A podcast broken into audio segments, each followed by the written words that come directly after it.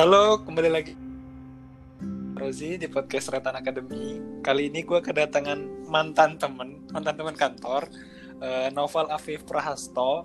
Uh, dia ini uh, dulu kebetulan kita sama-sama satu kampus dan juga satu company dulunya. Cuman dia sekarang sudah melanglang buana. Cuman kali ini kita kenapa dia melanglang buana lebih ke tips trik tips trik atau kiat-kiat sukses nih bisa uh, jebol uh, kesempatan-kesempatan baru di masa pandemi kayak gini. Pal, sebelum jauh ke sana mungkin lu bisa kenalan dulu, Pal. Uh, lu ini siapa? Kemudian uh, backgroundnya kayak gimana sama kesibukan lu akhir-akhir ini ngapain aja sih? Oke, okay, uh, sebelumnya uh, salam untuk teman-teman yang pendengar setia dari podcast Noji uh, eh, gue kenalan dulu nih. Uh, nama gue Noval uh, kebetulan gue sekarang uh, bekerja di GE Power di Chemical Service Engineer. Sebelumnya pertama kali gue ketemu Oji itu dari TAM sebagai sama-sama officer. Uh, fun fact walaupun pertama kali ketemu sama Oji di TAM terus kita dat kita datang dari sebuah institut yang sama cuman beda jurusan padahal sebenarnya jurusan kita depan belakang. Dan kita lulusnya ya, di tahun yang sama juga dan baru ketemu malah di tam emang dunia itu sempit. Ya maaf yang hits lu mah. Ya nggak apa-apa. Maksudnya ya mungkin memang memang that's how work work works I guess. Oke. Okay. um, kesibukan sehari-hari ya ya salah daily daily job terus hobi, menjalankan hobi gue di masa pandemi ini which most likely bakalan berada di sekitar rumah.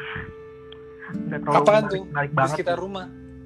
Iya ya paling uh, berkebun nggak ada yang nggak gue paling main game. Lu serius? Oh main game? Ya, gue main gamer main juga ya? Gamer okay. dikit cuman ya udahlah untuk mengisi waktu dibandingkan kelayapan kan stay safe ya guys. Bener. bener. ya. Nah, uh, sebenarnya Pal kalau ini nih uh, menarik nih, tapi kan uh, lu tuh dari jurusan mana sih Pal di ITS? Di ITS ini kebetulan gue jadi jurusan teknik material. Hmm, mungkin gue nggak tahu sih, cuman uh, cuman mungkin teman-teman ada yang kayak bingung teknik material itu apa. Uh, most, most likely mungkin teman-teman bakal lebih uh, realize atau mungkin lebih relate sama metalurgi. Uh, jadi sebenarnya metalurgi sama material tuh mirip-mirip. Kalau bisa dibilang material itu memang lebih ke uh, bagaimana uh, lo merekayasa sebuah material. Sementara kalau metalurgi itu adalah lo memproses untuk merekayasa material tersebut. Jadi sebenarnya more likely ya best aja sih. So nah, tapi menarik nih Pal, maksudnya adalah uh, nah, tadi kan lu cerita hmm. lu sekarang kan di GE kan.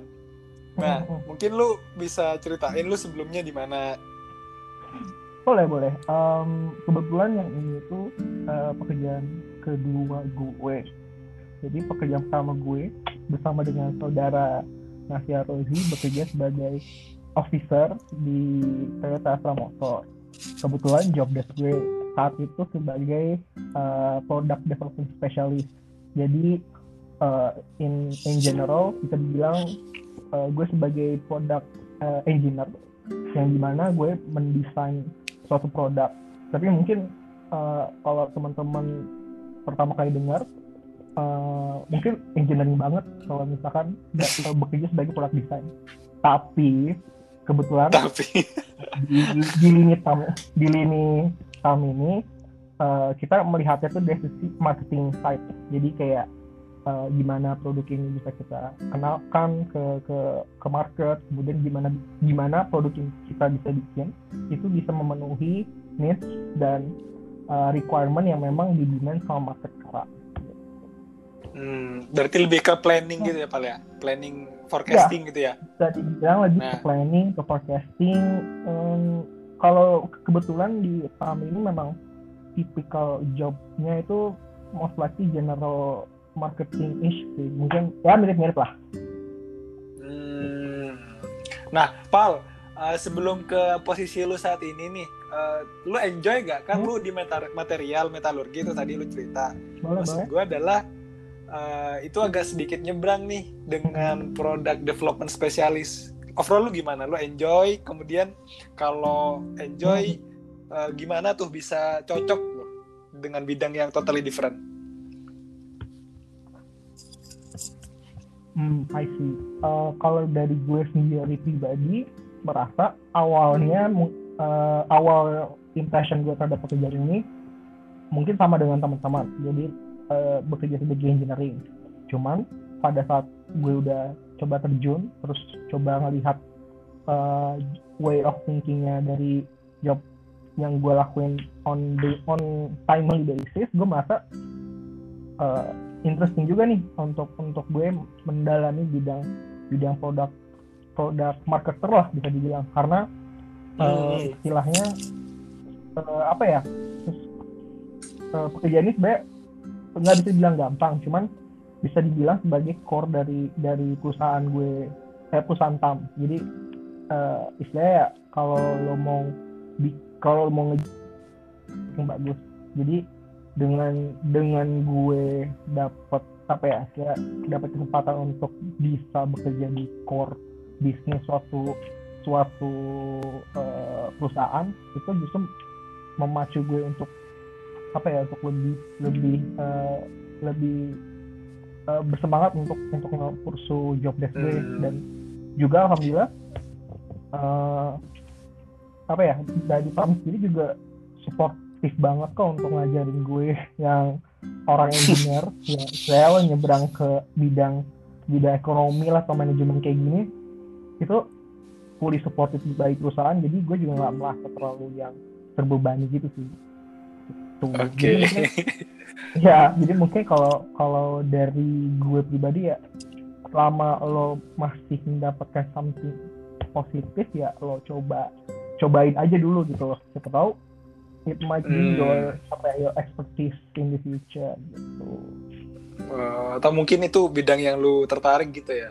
Iya mungkin ya istilahnya lo kan nggak tahu lah istilahnya ke depannya mau kayak gimana cuman dengan lo bener, bener, bener. beranikan diri mencoba ya coba aja dulu gitu kalau misalkan kalau misalkan nggak nggak berhasil ya you know for certain kalau misalnya itu nggak berhasil gitu nah pal hmm? tapi uh, ini nih uh, tadi nama, cerita nama. bahwa salah satu penting hal penting yang bisa di yang gue tangkap adalah hmm. uh, ketika uh, pekerjaan yang pekerjaan lu atau suatu hal yang lu lagi tekuni itu dapat memberikan sebuah hal positif menurut lu ya udah gas terus gitu kan Hmm, nah, hmm. tapi uh, nah ini nih udah mulai nih transisi. Kenapa lu pindah? Kenapa lu pindah? Dalam artian uh, hmm. apakah lu di dalam lu berapa bulan sih ditampal? Kalau misalkan kalau belum setahun. Gue hitung sebenarnya itu more like more or less 11 bulan sih. 11 oh udah udah mau final ya? Udah mau final. Bahkan nah, bahkan apa nih? Bahkan apa? Sebenarnya jadi di kantor uh, di kantor TAM jadi kan lo yeah. masih ya, uh, kita uh, sebagai officer atau pegawai baru itu masih masih menjalani masa probation. Jadi di masa yeah. probation itu uh, kita dikasih suatu suatu project bernama CBP Toyota Business Process yang di mana ya itu istilahnya praktis Val. Apa? Praktis gak sih? Toyota Business Practice ya? Sorry sorry guys lu jangan lupa kulit dong mal. Sorry sorry guys. Ini purely my fault. Gue lupa gitu ya. Jadi Toyota Business okay, okay. ya. Nah Toyota Business Practice ini uh, jadi intinya adalah lo harus mengimprove suatu proses yang ada di uh, sekitar uh, divisi lo atau misalkan departemen lo. Jadi uh, by the time gimana itu uh, projectnya ini more, more or less harus bisa harus bisa dapat hasilnya kurang lebih tahun dan bener, bulan sebelum dia kemarin uh, jadi uh, proyeknya udah clear udah udah udah kelar udah di approve sama atasan gue juga gitu. Jadi ya sebenarnya dibilang kentang dan sebenarnya iya juga sih sebenarnya. Nah apa Nah, Pal, tadi, Hmm. nah ini nih, eh, tadi lu di mana Pal? Di GE bagian atau masih general atau masih gimana nih di GE? Eh, di bagian technical service engineer jadi di bagian Technical. Hmm, technical Hmm. service engineer jadi di bagian di bagian itu kebetulan job desk gue eh, bisa dibilang sebagai maintenance engineer jadi gue mau maintenance eh, mungkin sedikit disclaimer gue jelasin sedikit mungkin ya kalau mungkin teman-teman ada yang nggak tahu. Jadi Boleh, boleh, boleh. dia eh, sebagai perusahaan yang bergerak di bidang energi terutama di bidang listrik. Eh, mungkin mungkin kalau teman-teman lebih familiarnya ke PLN sebagai eh, suatu badan eh, punya badan yang dipunyai pemerintah untuk mengelola energi listrik. Em, kebetulan eh, gue sudah di di G ini adalah eh, fokus untuk memaintenance atau mensupport PLN untuk me- Oh. ya jadi uh, for for for uh, instance gue uh, sebagai contoh misalnya PLN ada rusak nih turbin ada rusak turbin Gak apa apa ya teman-teman. Jadi bisa Jadi, di-cut, kan, oke, ya? gak apa-apa. Lanjut aja, gak usah gak ada kata Lanjut lanjut lanjut. terus. Uh, jadi uh, instance uh, PLN misalkan butuh uh, butuh uh, support dari eksternal untuk memperbaiki turbin mereka untuk untuk membangkit listrik. Nah, kita memprovide service dan juga memprovide uh, human resource untuk mensupport PLN supaya uh, da- dalam pengelolaan listriknya. Gitu. Jadi bisa Nah. dibilang gampangnya PLN yang mengelola mengelola sebagai sebagai yang punya, kita sebagai supporting uh, act- act- supporting actor untuk men- mensupport PLN. Pal, gue menemukan satu benang merah yang menarik nih, Pal. Jadi, eh, BTW, lu diajarin nggak cara maintenance kayak gitu-gitu? Pasti ya diajarin. Um, Nah, kebetulan, maksudnya, Hmm, kenapa? eh, kenapa? Iya, gue Lu diajarin. dulu deh, lu dulu deh.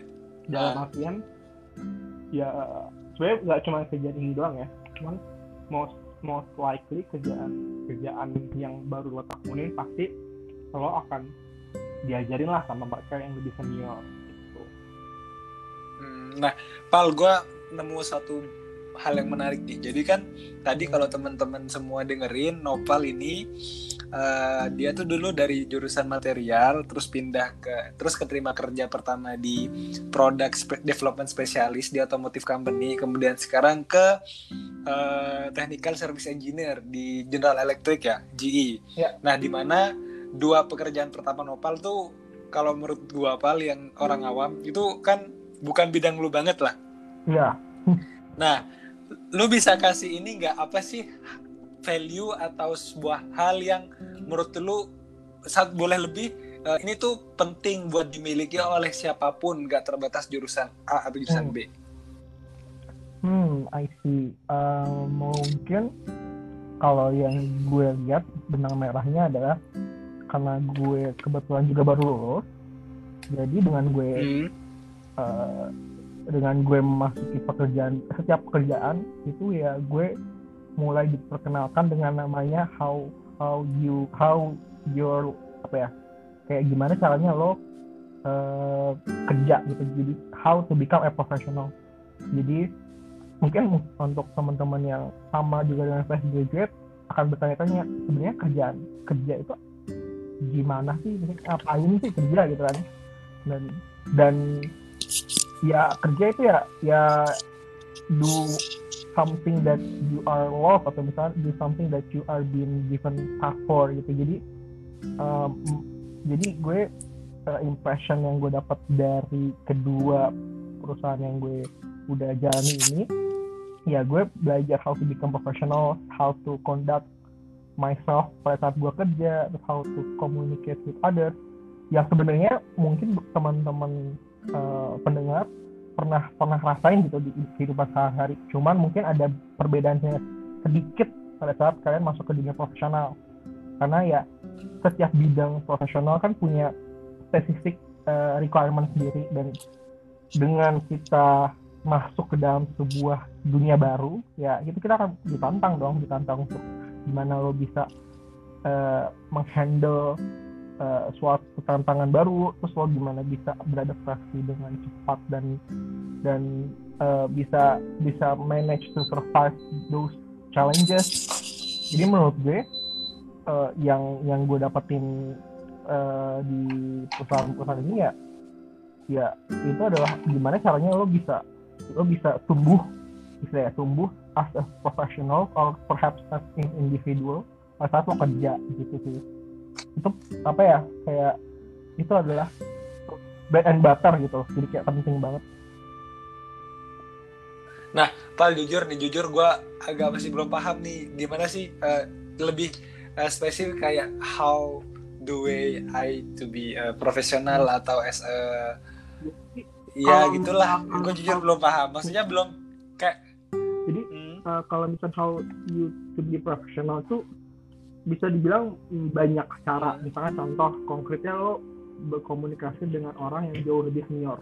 Mungkin uh, selama kita hmm. hidup eh, hidup saya selama selama lo berada di, di setiap tahap kehidupan kan lo akan most likely mungkin akan komunikasinya sama seseorang yang istilahnya umur atau usianya kurang lebih sama atau ya beda tahun lah dari usia lo which is sebenarnya dari segi komunikasi okay, kan okay. gampang-gampang aja itu cuman uh, pada saat lo masuk kerja lo kan akan bertemu orang dengan latar belakang beda. Mungkin mereka bukan dari daerah di sekitar rumah lo atau mungkin mereka bisa jauh lebih tua atau mungkin mereka bukan berasal dari negara yang sama. Setiap apa ya setiap lo bertemu dengan orang-orang baru dengan latar belakang beda ini kan mau nggak mau lo harus punya skill communication yang yang dynamic dan lo bisa engage mereka gitu uh, regardless dengan latar belakang bener, mereka bener, bener. kan uh, itu mungkin contoh dari bener, communication bener. ya terus kedua ya kedua mungkin gue lebih bisa memfokuskan ke adaptability jadi uh, istilahnya lo masuk lagi nih ke, ke istilahnya lo udah lo udah tahap SD, SMP, SMA, kuliah itu kan sebenarnya more, more or less ya sama tapi mungkin ada something distinct yang beda. Cuman kalau lo masuk kerja kan itu totally different world.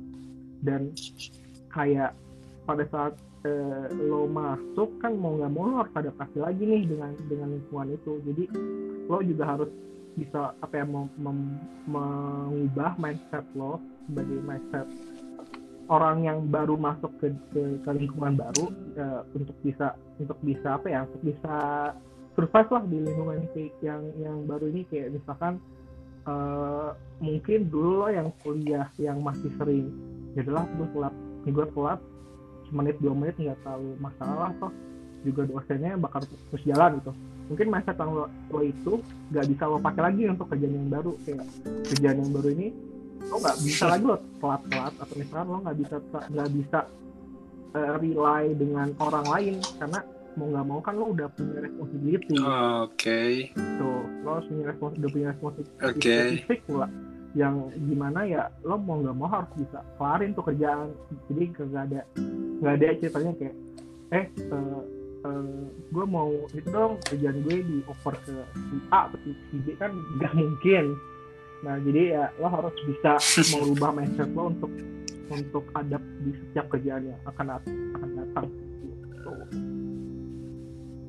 Nah, Pal, kalau gue simpulin hmm. dari tadi apa yang lu ceritain, sebenarnya ada dua. Jadi yaitu communicate with multi generation atau bagaimana sih lu bisa komunikasi dengan orang-orang yang bisa jadi umurnya jauh di atas lu atau di bawah lu. Ya nggak mungkin di bawah sih kita masih first job ya. Uh, ya maksudnya di atas lu. Dan yang kedua adalah lebih ke adaptability. Di mana adaptability di sini uh, ada tadi lu sempat cerita kayak disiplin dalam uh, kalau dulu kita kuliah uh, kita harus gimana sih kalau sekarang kerja itu kita hmm. lebih tepat waktu lah. Kemudian respect others kemudian hmm. uh, responsibility ketika ada kerjaan yang harus lu uh, handle uh, atau ada tambahan. Kemudian lu uh, gimana tiap tantangan yang orang lain berikan. Nah pal uh, pertanyaan gue pengen nanya nih buat teman-teman di sini nih yang pengen tahu atau gimana sih uh, biar komunikasi gue tuh lebih baik lah. Dalam artian lu mungkin bisa ceritain sedikit pengalaman atau uh, metode yang lu pakai buat uh, ningkatin atau gimana ya? Improve how the way you communicate lah Mhm. kayak gitu. Nah sama gimana sih biar uh, uh, gimana sih biar bisa disiplin? Terus gimana sih biar uh, bisa respect orang lain tapi dari sudut pandang nopal Hmm, Monggo, oke.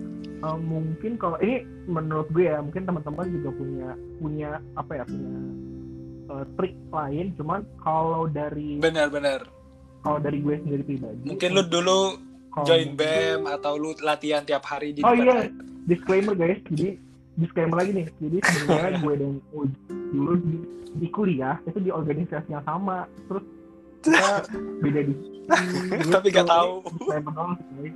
Selama berapa selama setahun kayak tuh kayak Hah? ya ampun gue baru nyadar dia BEM jadi oke eh, sedikit back sedikit backtrack. Jadi kalau gue kalau gue pribadi sih kalau untuk komunikasi tips gue cuma satu sih. Lo harus coba. Karena istilahnya komunikasi ini pure praktek. Maksudnya eh gue mau belajar dong gimana komunikasi terus lo belajar teori teori teori karena it doesn't fully work kalau misalkan lo nggak pernah nyoba untuk untuk apa ya untuk go out there itu Hmm. untuk lo nyoba istilahnya dengan lo membuka diri lo terhadap hal baru contoh misalkan lo ikut organisasi kan lo istilahnya membuka diri lo untuk berkenalan dengan orang-orang baru Eh, menurut gue itu adalah sa- salah Hmm. satu bukan salah satu bahkan itu menurut gue adalah the best the best action yang bisa lo butuhkan untuk lo uh, melatih communication lo. Karena ya ya mau gimana Oke. lagi gitu lo mau untuk mem- mau mempraktekannya secara secara real. Kalau nggak kalau nggak lo ya aktif aktif aja. Kayak misalkan lo aktif organisasi. Atau misalkan lo mungkin di masa pandemi ini agak sulit kali untuk ketemu. Tapi mungkin bisa lo Iya ikut benar-benar. webinar atau diskusi menurut gue itu salah satu salah satu trik yang bisa lo lakuin yang menurut gue itu akan valuable banget pada saat lo masuk ke dunia pekerjaan tuh itu mungkin dari communication. Oke. terus kalau Nah, untuk Pal- adaptat hmm? kenapa kenapa? Nah, tapi eh, gini nih, jadi eh, sebenarnya buat yang ini nih, tapi tadi thanks banget udah di sisa masa pandemi nih di mana setahu gua himpunan atau BEM pun tuh kan lagi dibekuin. Nah, jadi Betul, tapi tadi lu betul, saranin betul. ini nih. Webinar kan ini, Pal, speakernya doang yang ngomong. tapi Eh, banyak mungkin lah eh, mungkin eh, Oh, iya. teman-teman eh, eh, pernah ikut apa ya non non government organization atau NGO mungkin Oh, tipikal-tipikal kayak sebenarnya pengalaman lagi sih ini pengalaman gue aja guys jadi misalnya contohnya lo ikut Oke, boleh, boleh. ikut kayak uh, NGO ISEC mungkin ada yang pernah dengar. Um, jadi di ISEC Ah. itu setiap bulannya itu ada kayak forum untuk diskusi. Nah itu kalau dari adik kelas gue yang handle ISEC sih setiap bulannya ada. Jadi kayak itu sebagai wadah lo untuk bisa discussion juga.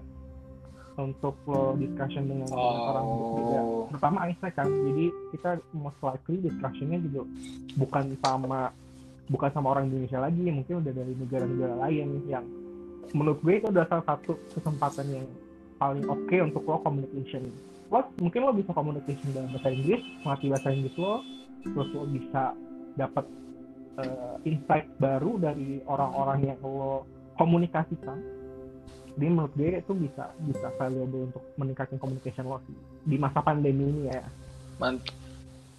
Mantap, mantap. Berarti eh, tetap sih ujung-ujungnya garis biru, garis garis biru. Dua garis biru Merah. film dong. Garis merahnya adalah garis merahnya adalah harus nyoba ya, Pak. Iya. Meskipun terpaksa pokoknya nyoba aja, jangan cuma Karena kalau- baca teori-teori Betul. itu bakal useless. Ah. lo harus gagal karena karena kita akan kita nggak akan bisa untuk jadi apa ya perfect atau misalkan bagus lah gue nggak percaya dengan perfect untuk jadi lo bagus tanpa lo gagal misalnya lo komunikasi terus lo gagap lo lo lo gagal quote on quote gagal ya udah lo belajar dari hal itu terus lo coba lagi sampai lo bisa. Nggak kerasa kok sumpah itu paling ringan paling uh, cost efficient karena lo gratis untuk cuma sekedar ngobrol dengan orang baru. Gitu. Mantap mantap. Nah uh, pal yang kedua pal yang adaptability Hmm. uh, yang tadi yang terkait disiplin respect others gimana tuh? Kalau adapt gimana sih bisa orang nopal nih bisa keterima di semua lingkungan kerja gitu? Kalau adaptability sebenarnya lebih ke uh, kalau menurut gue pribadi ya adaptability itu sesuatu Hmm. yang yang susah untuk orang terapkan. Karena adaptability ini berkaitan dengan apa ya dengan ide bukan karakter gitu? Dengan karakter lo enggak dengan dengan kepribadian setiap Ah. orang masing-masing. Jadi oke. kalau gue sih personally melihat untuk lo bisa menciptakan mindset itu mungkin ada beberapa orang yang bisa di apa ya di support dengan cara dibilangin misalkan lo mesti A lo mesti B atau, atau misalnya lo mesti C. Mungkin mereka bisa mengfollow tapi ada orang dan ini mungkin gue salah satunya ya ada orang yang di mana lo nggak bisa dibilangin kayak gitu. Dan itu muncul dari diri lo sendiri. Dalam artian kayak maksudnya eh, dengan lo masuk ke dunia profesional yang baru lo kan nggak bisa lagi nih sifatnya yang kayak lo masa kuliah kayak lo masih tetap bercanda atau lo misalkan ya gue lupa nih ngejain tugas gue terus ya udahlah ntar lo tinggal tinggal bacem pagi harinya. Itu kan lo nggak akan bisa kayak gitu lagi di kerjaan baru lo. Maksudnya lo mau baca sama siapa? Lo kan job desk lo ini spesifik. Lo udah lo kagak bisa minta tolong. Mungkin lo bisa consult dengan dengan tim member lo yang lain cuma mereka juga as far as they go mereka juga ada kerjaan. Paling mereka juga bisa bantu lo ya cuma untuk recommendation doang. Tapi ultimately yang yang bisa menyelesaikan sih ya lo sendiri. Jadi kalau gue apa ya mencoba sedikit menyarankan ya lebih banyak lo untuk apa ya evaluasi dan kontemplasi sih. Karena gue sendiri pun juga nggak bisa memberikan saran misalkan kayak contoh OG misalkan. Kayak J lo mesti A B C. Tapi OG itu kepribadiannya eh gue nggak suka A tapi gue bingung B tapi gue bingung C. Terus gue juga nggak terlalu misalkan uh, terus gue juga nggak terlalu tahu truly siapa sih OG sebenarnya.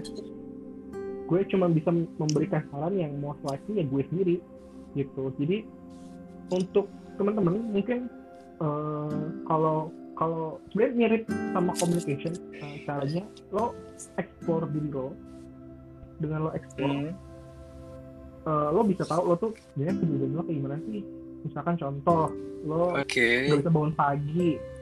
Terus kerjaan lo ini pagi banget nih jam 7 nah mau nggak mau kan lo harus memikirkan suatu skenario gimana lo harus bisa bangun pagi. Nah, jadi sesuatu yang sesuatu yang kuat memaksa membuat lo untuk uh, merubah mindset lo. Itu lo bisa. Atau mungkin kayak uh, OG ini misalkan contoh. Sorry targetnya lo mulu. Uh, misalkan OG OG ini uh, dia udah ikut organisasi lomba gitu ya. Terus OG itu kayak pikir ah kayaknya gue mau mau setelah dari pengalaman gue ini gue mau bergerak ke bidang A dengan merubah seperti yang A B C gitu. Itu bisa. Hmm. jadi eh, in- jadi kalau menurut gue pribadi itu lo bisa untuk meng, apa ya, meningkatkan adaptability lo dengan ya lo nyoba gitu. Oke. Karena Berarti- gue jujur bingung kalau untuk nasihat Sebenarnya- sebenarnya agak ini sih agak berat. Tadi gue ada beberapa poin nih yang bisa gue simpulin. Selain tadi emang at the end of discussion itu pasti nyoba ya pak ya. Nah tadi yang bisa gue Iya. tangkap adalah eh, jangan malu bertanya sama harus mau belajar sendiri ya pak ya. Jadi kan ya, kata lu bilang bahwa kalau lu misalnya soalnya du- dulu gue ada pal salah satu temen magang. Mhm. Eh, di adalah di salah satu kantor itu dia tuh anak magang sih emang. Cuman dia tuh eh, masuk ke kantor tuh cuman ya udah duduk diem gitu. Tiba-tiba sampai ada di kondisi di mana kayaknya wah kasihan nih. Gua bukan kasihan ketika dia eh, kerjanya banyak tapi gua kasihan ketika dia tuh eh, gak ngapa-ngapain. Takutnya kan tujuan dia magang kan buat belajar atau apa pun. Terus akhirnya Hmm. kita tuh yang inisiatif buat eh, nanya kita yang inisiatif buat ngasih kerjaan kayak gitu. Jadi eh, Ah, that's po- good, poin nah buat teman-teman eh, lebih ke uh, pokoknya harus gimana ya? Uh, dalam artian pokoknya jangan malu bertanya dah. Terus mau harus mau belajar sendiri. Jadi gak semua harus ada SOP-nya ya Pal ya. Kadang kita harus ya. uh, nyari sendiri mandiri. harus hmm. Benar benar benar terus sama harus inisiatif sendiri itu kalau untuk benar inisiatif mengubah. benar inisiatif ya untuk untuk bisa adapt kan lo harus eh gue harus bisa ini gue harus bisa ini lo harus bisa menciptakan mindset kalau misalkan lo yang memulai gitu. Oke, okay. nah berarti uh, itu kan tadi dua poin besar antara communicate dan adaptability itu adalah poin-poin di mana di mana sih lo bisa fit di segala medan. Nah, pal gue sekarang mau gali lebih tahu, gali lebih dalam. Sekarang agak mundur sedikit, mungkin lo bisa ceritain pal kayak gimana sih uh, lu tuh uh, dulu apply. Soalnya kan sekarang nih masalahnya nih uh, bukan lebih di medannya nih tapi lebih ke proses menuju sampai offering atau sampai approve. Nah itu lu gimana sih Pak? Mungkin hmm. bisa diceritain pengalaman lu dari mulai uh, apply pertama sampai interview terakhir di GE yang sekarang. Ini di GE oh oke. Okay. Um, kalau sebenarnya kalau di perusahaan gue yang sekarang itu seleksinya nggak panjang sih, sebenarnya nggak uh, lumayan simple prosesnya. Jadi yang pertama siapin berkas of course lah lo siapin berkas maksudnya berkas berkasnya ini bisa kayak transkrip transkrip lo kemudian CV letter ya maksudnya untuk teman-teman pastilah udah udah udah familiar dengan hal-hal ini itu hmm. administrasi setelah administrasi terus um, lo cocok misalkan dari segi berkas ya lo akan diundang ke tahap selanjutnya itu psikotes psikotes itu dia mirip-mirip kayak TPA lah TPA itu yang nah. kayak tes SBM PTN TPA itu panjangannya tes potensi akademik ya? Eh bentar bentar. Ya? sebelum lu jauh itu lu kapan sama waktunya? Jadi uh, lu kapan oh, pertama kali play oh, ah. oke oke oke. Kalau ini ini tolong jangan disamak dengan perusahaan-perusahaan lain karena uh, setiap perusahaan beda. Kalau gue kebetulan ini udah okay. dari udah dari lama banget sih waktunya. Jadi dari tahun yang lalu. Jadi waduh. agak sedikit agak sedikit uh, membuka sedikit proses. B itu gue daftar pas gue udah kerja di kantor sorry guys. Ya pokoknya saya gue kebetulan dapat emang gak tahu bersyukur ya lo ya? Informasi. Nggak juga kan? Siapa tahu. Oke oke oke oh iya, iya coba coba. oke oke. Jadi ya oke okay, siap kalau dapat opportunity nih terus oh yaudah lo nyiapin bekas itu more or less 9 bulan apa 10 bulan yang lalu apa daftar terus biasalah administrasi segala macam kirim terus more or less dua sebulan dua bulan kemudian dapat nih pengumuman lolos ke psikotes psikotes. Psikotes itu dia itu yang most likely TPA tes potensi akademik uh, dari situ dari TPA ini um, seminggu kalau nggak salah seminggu lolos. TPA-nya itu lu online? Online. Jadi uh, disclaimer untuk yang yang sekarang itu semuanya online. Kalau gue dulu. Hmm. TPN-nya itu yang ini pak lihat kayak kita dulu zaman Jover ingat gak yang warteg tes atau yang tes? Um, beda. Jadi kalau gitu, bukan? TP, TPA-nya konsepnya sama uh, mungkin aduh gue lupa itu metode TPA-nya itu apa. Cuman uh, kalau untuk yang apa sih itu namanya yang nulis angka dari atas ke bawah di kertas sampai oh itu koran itu ya tes koran? Koran itu tuh nggak ada kayak gitu. Uh, TPA-nya itu TPA uh... yang kalau gue yang perusahaan gue itu yang kayak SBMPTN loh TPA yang Oh, yang ini bukan sih? Yang A sama B berkorelasi gitu bukan? Iya, iya kayak gitu kayak gitu. Ah. Nah, Wah, ya, gitu. berat ya. Lumayan challenging dan dan itu semua pakai bahasa Inggris kayak oh my god. Tapi nggak apa-apa guys, oh hadapin god. aja, hadapin, hadapin. Coba hadapin dulu aja ya kan. Coba dulu aja ya kalau misalnya nggak bisa ya lu pengalaman TPA pakai bahasa Inggris, tes TPA pakai bahasa Inggris gitu itu udah TPA terus dan nextnya gue seminggu kemudian dikasih tahu lulus uh, ketik kabar lagi untuk tes kedua jadi kebetulan yang gue daftar kan lebih ke jabatan yang gue daftar lebih ke engineering gitu lah ya. jadi Nah itu lu kayak gimana pal? Kan lu material, sedangkan ini eh, engineer Ah. elektro lah ya, lebih ke ya elektro. Eh, jadi TPA sorry, sorry buat TPA jadi tesnya itu kayak tes dasar keteknikan gitu lah bisa bilang karena ini gue translate aja guys. Sebenarnya ada engine, en- engineering based uh, test proficiency. Itu mungkin gue nggak tahu sih di perusahaan lain up, uh, ada apa nggak. Cuman di GE ada. Jadi tuh ya lo tes tes teknik. Jadi lo tes fisika kimia matematika. Dasar. Dasar. Jadi nggak yang nggak yang kayak matematiknya kalkulus nggak ada. Matematik dasar. Masih persamaan persamaannya bukan persamaan yang kayak apa sih yang namanya sigma sigma gitu gitu bukan nggak ada. Oh. Persamaan biasa Oh Fisika- kayak SBM ini ya, SBM berarti ya. Oh ada kimia Iya. juga. ada ada kimianya juga fisika kimia matematika Aduh. fisika kimia Oke. matematika jadi itu dasar guys Eh, mungkin kalau kalau gue pribadi merasa gue lebih positif bisa di tes ini karena tes ini dasar nggak yang kayak Oh. lo Nah, tuh lu belajar Hmm. lagi gak pal? Belajar Gue lagi nggak- nggak? ini sebenarnya jangan dicontoh guys sebenarnya tuh gue nggak prepare at all tapi jangan dicontoh kalau mau daftar apa pun lo harus prepare. Tapi gue ini pengalaman gue pribadi gue nggak nggak nggak belajar sama sekali. Ini sebenarnya contoh buruk guys. Lo harus belajar. Cuman ya alhamdulillah lo itu Itu di bulan apa pal? TPA lu? itu waduh gue lupa tuh. Dua bulan. Dua bulan terus seminggu. Ya dua bulan seminggu bulan apa ya? Jujur gue lupa bulannya. Berarti bentar, lu TPA tuh kan pagi atau sore? Maksud gua kan lu kerja.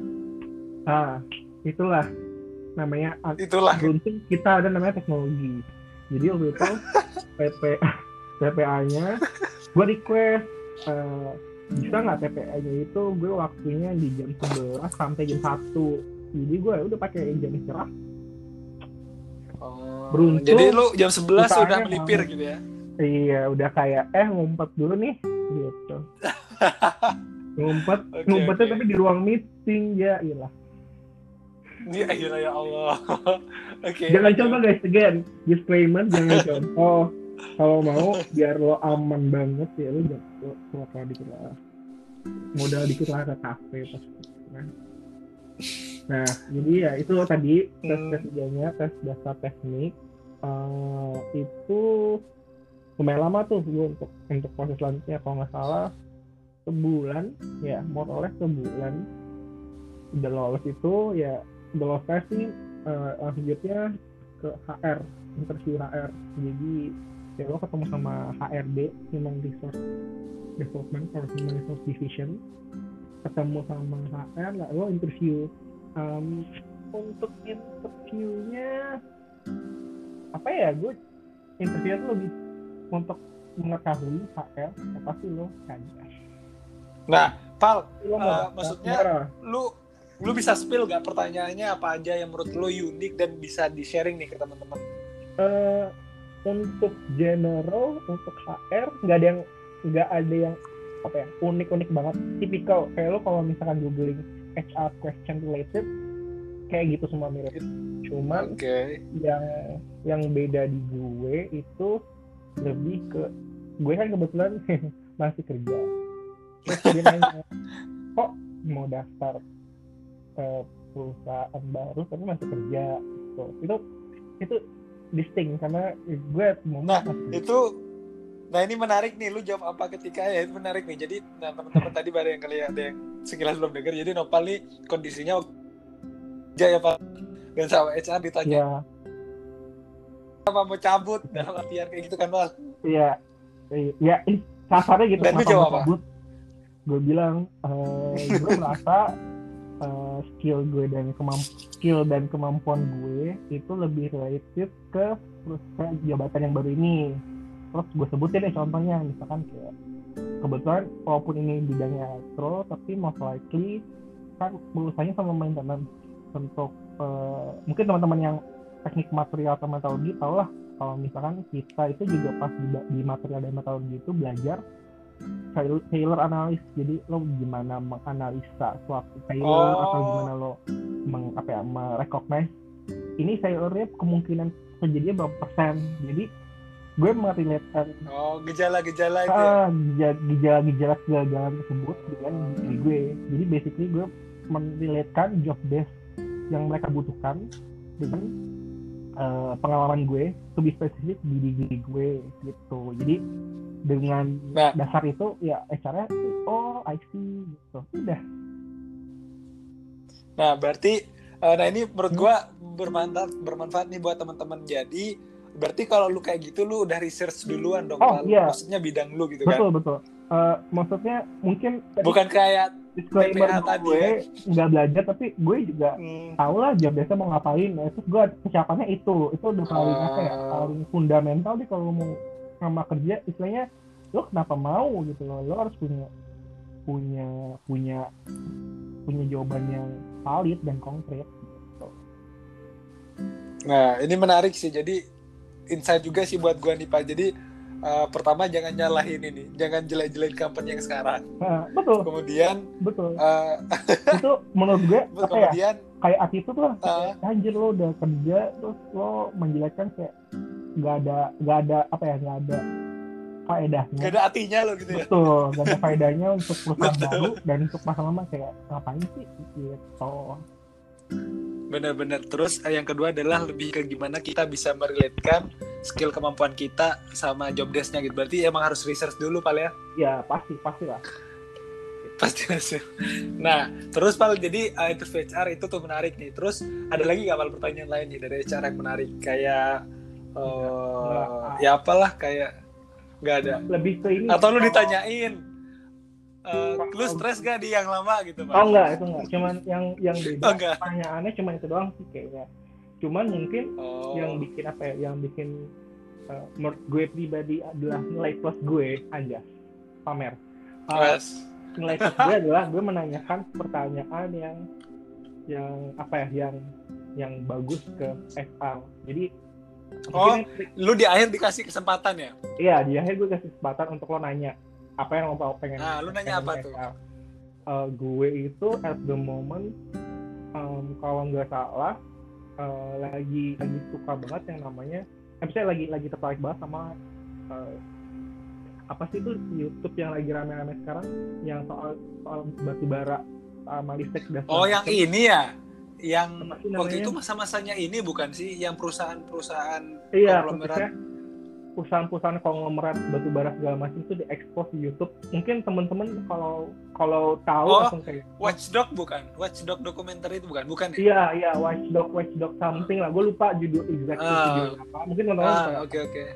itu gue kayak eh, gue apa ya? Gue mention terus gue gue inline kan dengan eh, dengan gue korelasikan ke ke, ke HR-nya spesifik. Ini impactnya terhadap terhadap eh, calon yang yang calon calon pelamar sebagai apa sih? Karena istilahnya lo udah di spill secara secara secara umum kejelekan-kejelekannya batu bara dan listrik dan juga energi dan segala macam Bener bener bener. apakah itu berpengaruh berpengaruh dengan dengan jumlah peminat or, or, or not gitu dan kayak HR itu kayak surprise gitu Wow. karena kayak oh, ini HR-nya tuh sendiri, Pal. gue kebetulan ada dua tapi yang actively nanya ke gue itu satu jadi kayaknya kalau kalau kalau dulu gue kan belum kenal tapi setelah gue kenal sekarang jadi yang aktif ngomong ke gue itu dia kayak apa ya gue bisa bilang kayak division head gitulah division headnya HR Oh. Terus satunya lagi tuh kayak staffnya gitu loh staffnya itu yang kayak Wow. Notulen nyatet jawaban gue Nah, Pal lo Pal, eh, lu emang Hmm? sebelumnya ini udah research dulu maksudnya kok bisa sih emang menurut gue emang keren sih pertanyaannya. Maksudnya lu emang kebetulan aja waktu itu lagi trending. Namanya ini Pal gue barusan search Sexy Killers ya. nah iya sexy killer ya betul Nah, buat teman-teman yang nonton di YouTube namanya Sexy Killers. Nah, apa waktu itu lu udah research gue harus nyari apa nih? Gue harus nyari atau kebetulan lagi trending Hmm. waktu itu. Itu jujur gue kayak coming apa coming up on on spot dan dan itu sebenarnya lagi lagi booming boomingnya sih.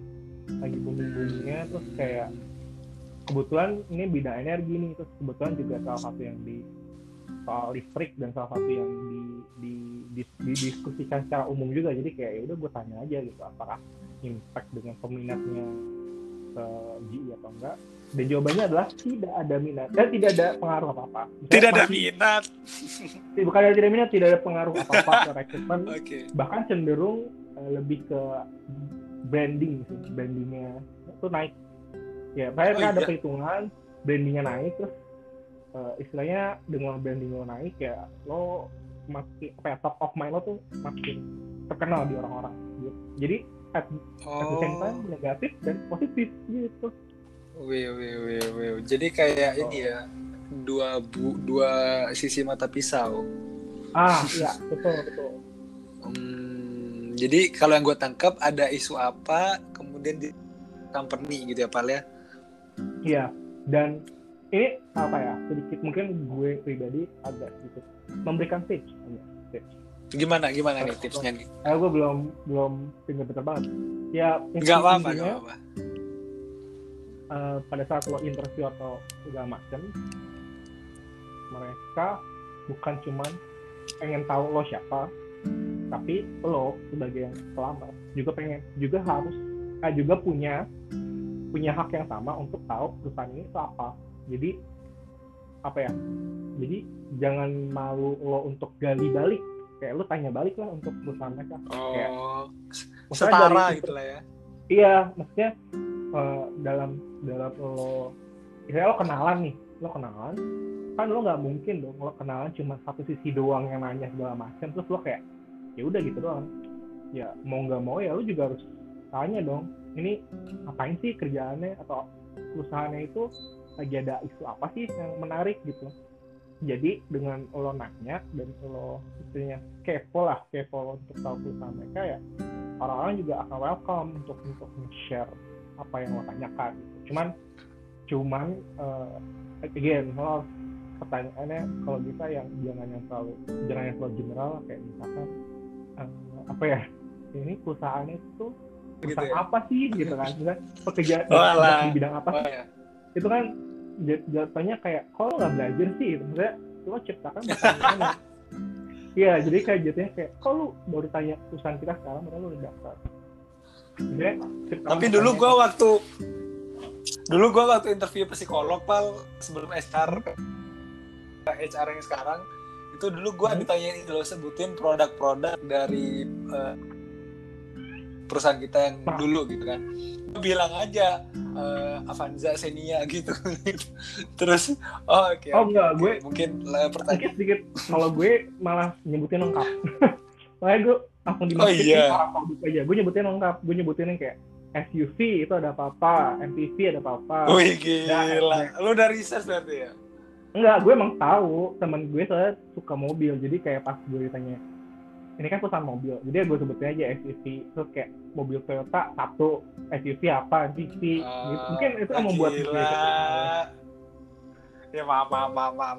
ya, gitu tapi tetap lebih dulu gue ya nggak apa-apa. Kan beda waktu nah, waktu is not a problem. Oke okay. nah pak jadi tadi yang menarik uh, jadi ini tips juga dari uh, garis merahnya gue bakal share sedikit dari tadi Nopal share. Jadi adalah catch the issue terus relating the company. Nah hmm. contohnya kalau misalnya gue di bidang otomotif teman-teman nanti misalnya uh, coba apply di bidang otomotif dan dikasih kesempatan buat nanya mungkin bisa nanya uh, salah misalnya uh, dari formula catch the issue related company misalnya uh, sekarang lagi covid nih gimana nih impactnya terhadap uh, proses uh, sustainability dari perusahaan hmm. atau proses uh, dari jualan uh, gimana ke depannya atau sustain ah benar marketnya kayak gimana. Nah itu jadi teman-teman yang lagi nanti di mata HR tuh lebih berbobot lah wah ini orang nih aware nih terhadap keberlangsungan perusahaan kayak gitu. Bacot nah, gua ya. ya betul betul. Enggak, nah, enggak ya. tuh cuman oh sedikit tips. Mungkin kalau misalkan gimana? daftar perusahaan yang nggak terlalu terkenal mungkin ada susah cari research. Coba aja tanya hmm. soal kerjaan yang nanti lo lamar contoh kayak hmm. uh, contohnya lo melamar sebagai orang baru officer. Ya lo tanya gimana sih uh, sebagai HR untuk uh, ada nggak uh, dari HR sendiri tips-tips untuk gue bisa survive di culture kerjaan baru nih? Kayak culture itu apa? Terus uh, gue gue gimana sih bisa untuk beradaptasi HR ada sedikit tips ada sedikit apa segala macam. Jadi tanyain soal job tuh tapi jangan yang jangan yang bisa lo google. Jadi kayak oh iya benar-benar benar culture kerjaan misalkan nah boleh tuh culture kerjaan benar-benar seputar eh, apa ya eh, tips eh, bukan tips kayak seputar eh, siapa ya tuh apa ya yang biasa gue tanya ya? Gue biasanya validnya itu eh, gue biasanya sebelum interview at least udah nyiapin itu pertanyaan yang buat HR atau atau user nanti. Dua kayak contoh oke. culture, satunya itu kayak topik khusus gitu. Itu tips Oke. yang gue pak selalu pakai sampai sekarang mantap mantap. Nah, pal habis HR pal next. Nah habis HR nih ini agak sedikit eh, lama sih bisa dibilang. Jadi HR terus user. Nah user ini macam-macam maksudnya dalam arti yang macam-macam gue itu keterima maksudnya gue itu cocok sama user ketiga ketiga yang gue temuin. Jadi gue udah ada berapa? Ada tiga total ya. Udah ketemu yang Oke. pertama kedua ketiga. Eh, kebetulan yang pertama sama yang kedua kayaknya nggak eh, menurut mereka nggak terlalu eh, kalau ke- skill dan capability gue mungkin belum terlalu tepat di tim mereka jadi gue dialihkan ke Ah, orang ke, ke, ke, ke ketiga ke user ketiga yang sekarang jadi anak gue gitu. oke. Pal Nah, user lu ditanyain apa aja pal? User itu eh, kalau di gue pribadi eh, di kerjaan gue eh di proses gue pribadi itu lebih ke spesifik ke job desk. Jadi kayak misalkan contohnya eh, user gue tuh nanya kayak kamu udah punya sertifikasi apa di bidang di bidang maintenance? Terus kayak gue bilang gue Hmm. nggak ada gue nggak ada gue nggak ada. Cuman gue yang iso iso itu gak sih? Iya, eh sebenarnya eh, sneak peek sebenarnya ya lo harus punya kayak ISO, terus lo punya ASTM. apa itu pal apa STK ASTM, apa itu American predictive maintenance. Technology, material tek- eh, technology of material soalnya eh, soal soal eh, sertifikasi untuk lo bisa bisa mengidentify suatu atau menginspeksi suatu suatu bahan. Nah, itu lo oh. dia tuh pertanyaan-pertanyaannya tuh lumayan spesifik ke job desk lo. Kayak lo punya sertifikasi apa terus uh, apa yang membuat membuat lo secara spesifik kayak cocok untuk uh, untuk bekerja di job lo yang khusus ini nih. Kebetulan karena Nah. gue lu jawab apa itu Lu- karena kebetulan gue teknik ya gue bilang aja. Gue uh, relate ke salah satu contoh kasus studi di waktu gue kuliah dulu soal listrik lah pokoknya. Jadi gue gue bilang uh, soal listrik gue pernah belajar di kuliah dulu. Uh, skills uh, yang gue pelajari di listrik itu A B C D F G. Terus uh, gue korelasikan sama job desk uh, job desk yang mereka mereka munculkan di, di, di apa di job openingnya. Kayak gue ngerasa nih dari yang gue pelajarin dulu sama sekarang tuh cocok banget dong relate banget dan gue bisa explain ke mereka. Terus, Hmm. mereka ngetes.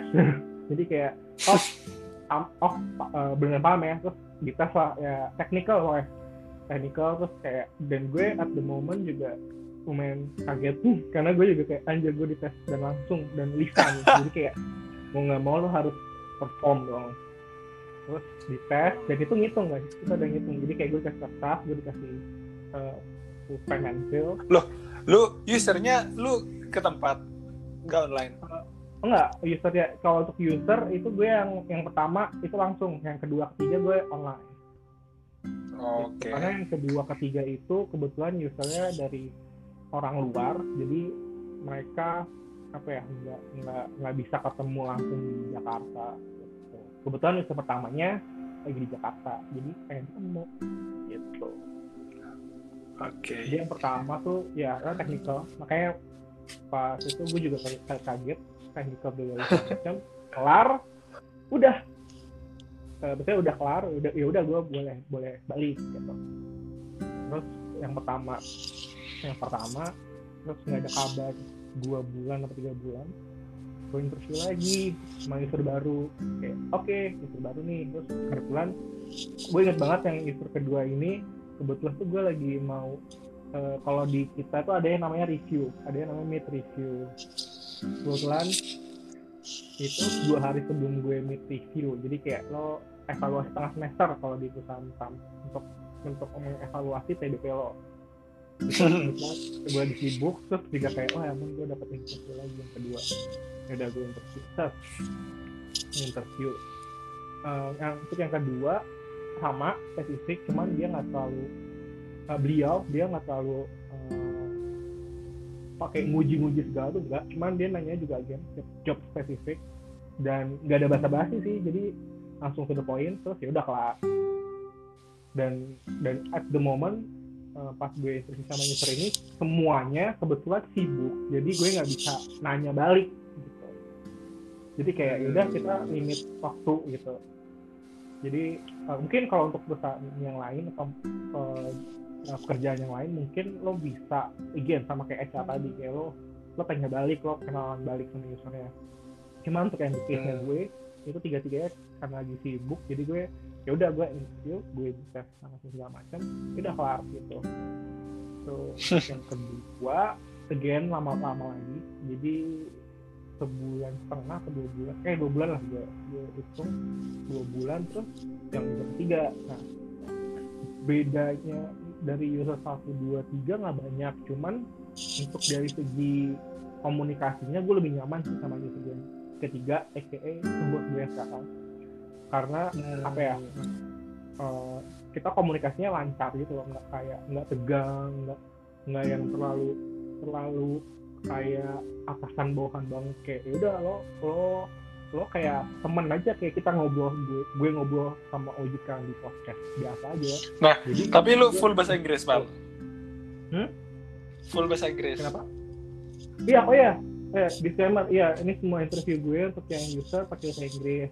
Karena wow. yang again yang yang user gue kedua dan ketiga dan atasan gue sekarang itu mereka bukan orang Indonesia guys. Jadi mereka pakai bahasa Inggris.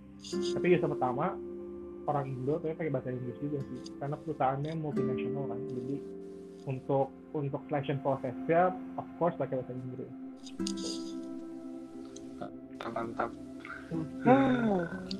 Berarti emang udah minim requirement ya?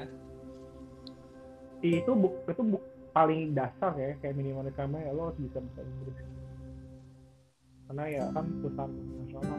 Jadi kayak gue paham. Jadi again mungkin untuk soal bahasa itu depend sama perusahaannya masing-masing ya. Mungkin ada perusahaan Indonesia yang pas selection prosesnya bahasa Inggris itu juga ada. Tuh. Jadi again kalian harus nanya balik. Atau misalkan kalau kalau di, di apa di job requirement yang nggak tertulis kan selection process are you going to be full English atau enggak lo tanya ke HR aja. Tapi kalau misalkan gue ini ini gue pribadi sih kalau gue sendiri udah mulai tahap interview gue biasa akan pakai bahasa Inggris dulu. Tapi kalau misalkan minta, minta HR atau orang yang bilang kamu pakai bahasa Inggris aja ya itu nggak apa boleh nanti gitu. Gitu guys Nah, abis itu lu pengumumannya kelas di Oh, itu gue itu gue lumayan lama tuh, lumayan lama nggak ada kabar dari user ketiga, kayak tiga bulan. Tiga bulan apa dua setengah, pokoknya tuh lumayan lama dibandingkan user satu user dua. Itu udah diumumin kayak cocok, terus gue medical check up. Ya lo tes kesehatan. Tes kesehatan di selatan, di ini di selatan di, di Jakarta Selatan rumah sakit di Jakarta Selatan. Tes. Terus ya per per ju, ju ah, Juni Februari Maret April Mei. Per Mei itu lo udah dapat kabar oh ya lo lolos. Lo bisa bisa lanjut di Juli. So, bisa onboarding di Juli. Oke, okay. so kan ya Pak ya. Setiap kita jadi lumayan lama. Capek. Hmm. Jadi sabar Capek. aja sih kalau dan tapi dan jangan tapi lu bener-bener apa? Ada hmm? bisa